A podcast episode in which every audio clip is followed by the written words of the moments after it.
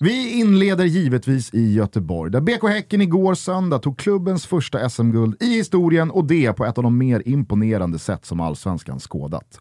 Obesegrade på bortaplan, seriens bästa mittfält och den överlägset mest positiva boll som spelats är helhetsbetyg över säsongen som verkligen sticker ut. Men det är avslutningen som understryker guldets glans i år. Fem raka segrar i oktober, Diffen, Gnaget, Malmö och så pricken över i igår då. 4-0 mot Blåpitt och det i kamraternas egna högborg. Toto lyfter på hatten för Per Messias Högmo, för sportchef Martin Eriksson som lyckats med ett enastående lagbygge innehållande gammalt och ungt, norskt, danskt och isländskt, erfaret men hungrigt. För skyttekung Jeremejeff, för seriens bästa spelare Mikkel Rygård och för fanbäraren, institutionen, lagkaptenen och vår älskade inrikeskorrespondent. Grattis Häcken! Ett ännu större grattis, Erik. Vi återkommer till den allsvenska slutspurten, så låt oss därför istället ta oss utomlands. För i England så var Liverpool återigen i farten med en under stora delar av matchen mot Leeds undermålig insats. Virgil van Dijk vet nu hur det känns att förlora på Anfield och Jesse Marsh kan mycket väl ha räddat jobbet, inte för sig själv bara, utan även också anseendet för amerikanska tränare i Europa.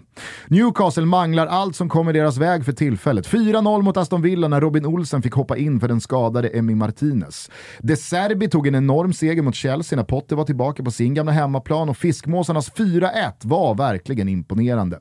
Det var också Spurs vändning borta mot Bompan, Reece Nelsons inhopp när Arsenal krossade Nottingham, de Geas målvaktsspel när Manchester United löste 1-0 mot West Ham och Kevin De Bruynes matchavgörande frispark borta mot Leicester.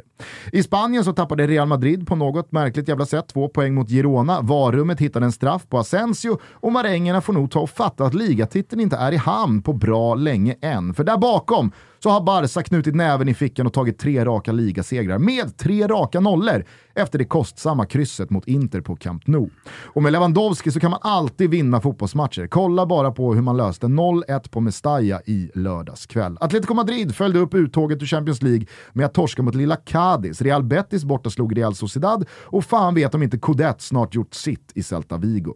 Det är nog bara att inse att det inte kommer att lyfta där.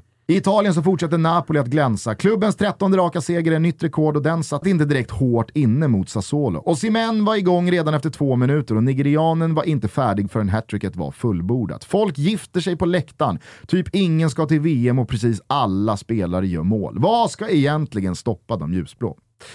Stora förlorare denna helg blev hur som helst Milan och Lazio. De rödsvarta föll mot Torino och visade att man inte kunde fokusera på Salzburg utan att blotta sig för mycket. Och Lazio, ja, vad höll egentligen Lazio på med hemma mot Salernitana? Sergej Milinkovic-Savic vilades för att inte bli varnad och missa derbyt mot Roma på söndag. Men han fick i och med underläge hoppa in och blev givetvis då varnad när bortalaget lämnade huvudstaden med samtliga tre poäng.